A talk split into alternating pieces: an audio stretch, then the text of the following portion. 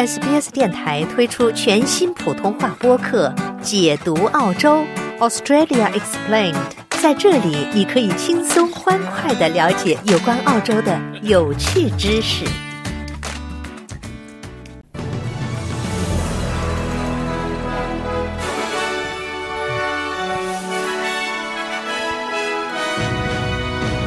昆士兰州再次面临气旋威胁。军队将继续帮助应对自然灾害。洲际移民让布里斯班的房价大涨。一些国家驻联合国代表呼吁加沙立即停火。以下是新闻的详细内容。在热带气旋贾斯珀造成创纪录的洪灾数周之后，昆士兰州正面临着另一个气旋的威胁。气象局称，随着季风槽的形成。暴雨将袭击该州原北部地区，并有小概率形成气旋。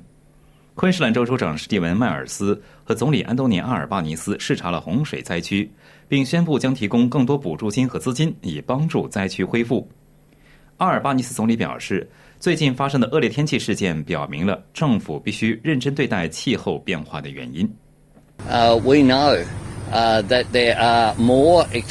我们知道极端天气事件比历史上更多，其数量在增加，强度也在增加。几十年来，气候变化科学告诉我们，这是我们必须考虑的问题。这就是我的政府认真对待气候变化的原因。We've been told that this was something that we had to give consideration to, which is why my government takes climate change seriously. 政府表示，即使工党正在考虑其他措施来应对自然灾害，澳大利亚军队也将继续应对此类危机。在此前的热带气旋贾斯珀造成破坏后，本月澳大利亚政府部署国防军人和陆军支努干直升机到昆士兰州的最北部，帮助灾后恢复和疏散工作。二零二三年，国防审查发现，气候事件正在削弱军队的主要目标——战备状态和战斗力。应急事务管理部长穆雷瓦特表示。即使政府决定组建一支预备役部队来应对此类危机，这种情况也会继续发生。澳大利亚战略研究所资深分析师约翰·科因表示：“鉴于澳大利亚有着悠久的志愿服务历史，组建预备役部队是一个有说服力的想法。”但他同时也表示，许多预备役人员已经是医疗保健或应急服务人员，因此无法同时同样的人才库加以利用。联邦政府悄然宣布任命一名前工党部长来领导对超市经营方式的审查，并誓言要使用一切可用手段来降低食品杂货价格。政府一直面临着采取更多措施缓解生活成本的压力，并在最近几周指出，对食品和杂货行为准则的现有审查是其应对通货膨胀的措施之一。总理阿尔巴尼斯在接受 ABC 采访时表示，在圣诞假期前。任命前贸易和竞争部长克雷格·艾默生，在现有工作的基础上加强审查。阿尔巴尼斯在一份声明中明确表示，如果农场门口的肉类、水果和蔬菜的价格下降，那么家庭也应该会在超市货架上看到更便宜的价格。而农业部长瓦特表示，农民没有得到好价格，超市的大手笔加价也不得民心。洲际移民潮促使昆州首府城市布里斯班的平均住宅价格超过了墨尔本的价格。CoreLogic 的最新数据显示，自2020年3月以来，布里斯班的平均房价上涨了50%以上，而墨尔本同期涨幅仅为11%。专家称，向布里斯班移民的情况表明，在新冠封锁之后，人们渴望节奏较慢的生活方式，以及许多人可以居家工作。CoreLogic 的研究主管伊丽莎·欧文斯表示，布里斯班的新住宅无法满足人们对住房需求的增长。总理阿尔巴尼斯说，政府有一个全面的计划来确保全澳住房供应可以满足需求。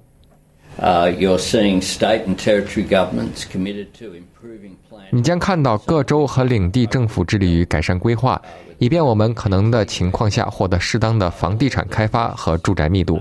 所有这些措施都旨在增加供应。据报道，一名男子在新州南海岸 Nora 诺拉的一家医院诊医疗诊所拿出枪之后被警方击毙。这名三十四岁的男子的身份尚未正式确认，但警方认为他是南海岸的当地居民。助理局长彼得科特表示，医疗中心和工作人员都认识该男子。他说，枪击事件是在诊所内僵持了两个小时之后发生的。警方称，这名男子在看病时拿出了一把枪。在那个医疗中心工作的人员与医生一起工作的员工立即报了警。诺拉警方立即做出反应。该男子两小时后出现，警方与他进行了进一步交谈。但就在此时，该男子拿出一把枪向警方挥舞。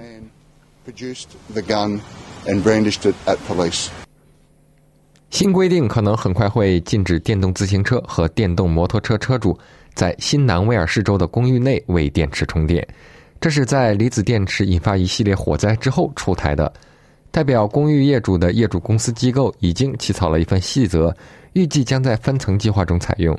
该条例还将禁止居民在物业内存放廉价的进口型号、改装或损坏的电动自行车。去年前九个月，新南威尔士州消防和救援部门报告了一百四十九起与电池有关的事故。新规定可能会被全国其他州均采用。在线零售商 The Iconic 承诺对那些账户被用于下欺诈订单的客户进行退款。欺诈订单导致一些客户面临数千澳元的损失。大量愤怒的顾客最近在 The Iconic 的 Facebook 页面留言。讲述账户被用于欺诈性购物，并对该公司缺乏回应表示失望。顾客抱怨称，他们的账户被扣除了超过一千澳元的购物款项。据 ABC 报道，有些订单可追溯到去年十一月份。这家颇受欢迎的零售商表示，虽然没有直接遭到黑客攻击，但通过非法登录账户的欺诈尝试上升。周二，一位发言人在一份声明中表示，正在与所有客户合作解决这些事件。这些事件并非 The Iconic 数据泄露造成的。您正在收听的是 SBS 中文普通话节目。听众朋友们，欢迎回来，让我们关注更多国际新闻内容。美国国务卿安东尼·布林肯在被占领的约旦河西岸会见了巴勒斯坦总统哈茂德·阿巴斯。布林肯说，两人将讨论巴勒斯坦权力机构的未来。以及在战后加沙管理之前进行改革和改进的必要性。此次访问的前一天，美国外交官会见了以色列总理本杰明·内塔尼亚胡以及其的战时内阁。他告诉记者，持久的和平方案需要包括以色列的安全。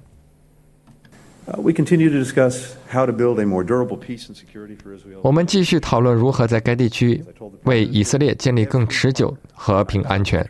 正如我告诉总理的那样，我此行遇到了每一个合作伙伴，都表示他们愿意支持结束长期暴力循环并确保以色列安全的持久解决方案。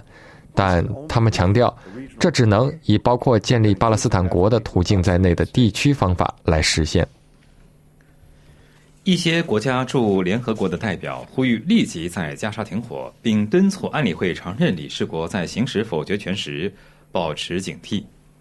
这些警告是在联合国大会全体会议上做出的。会议讨论了美国否决联合国关于改善加沙地带人道主义援助准入的决议修正案的决定。俄罗斯提出的修正案建议在决议中加入暂停敌对行动的呼吁。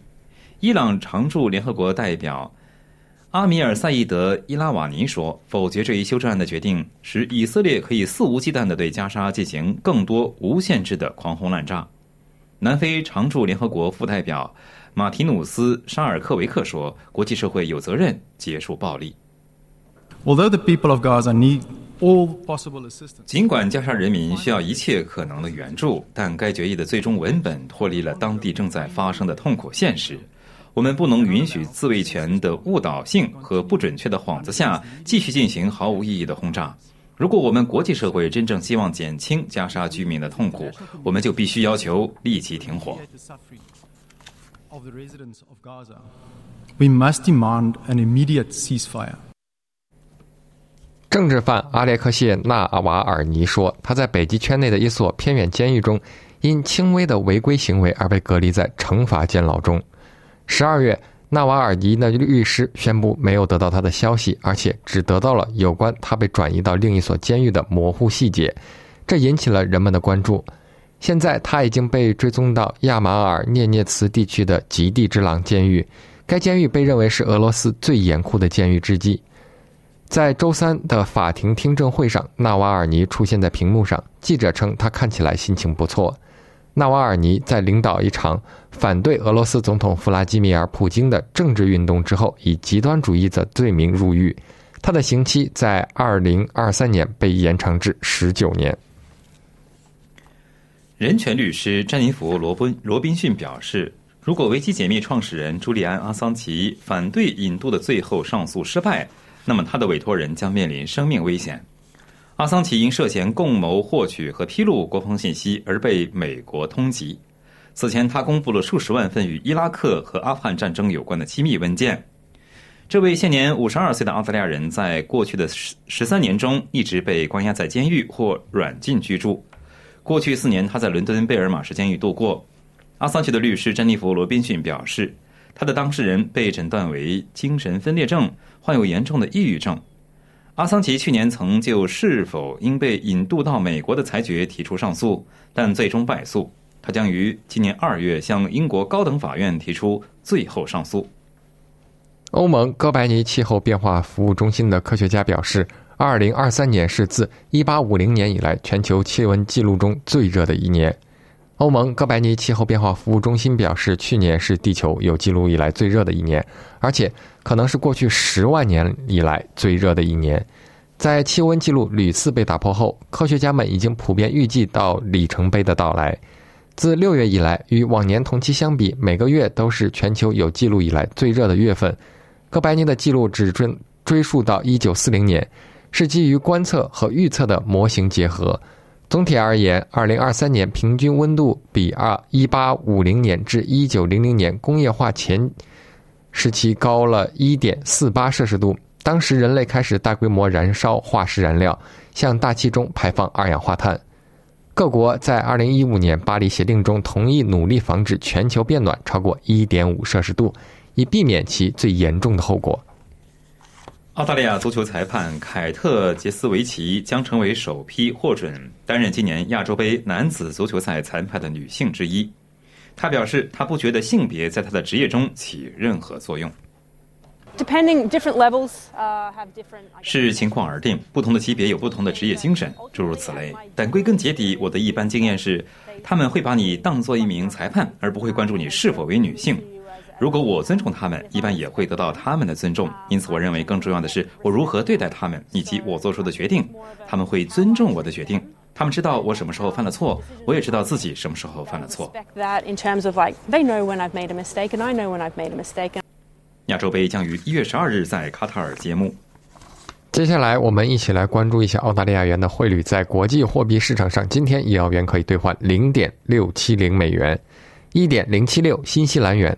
同时，一澳元可以兑换四点七九八元人民币，五点二三九元港币，二十点八三三元新台币。在第一小时新闻节目的最后，一起来关注一下全国各主要城市的天气情况。悉尼有阵雨，最高温度二十九度；墨尔本局部多云，最高温度二十五度；布里斯班可能有阵雨，最高温度三十度；堪培拉晴转多云，最高温度二十九度；阿德莱德晴，最高温度三十一度；珀斯以晴为主，最高温度三十三度。达尔文有雨，可能有暴雨，最高温度三十二度。霍巴特局部多云，最高温度二十五度。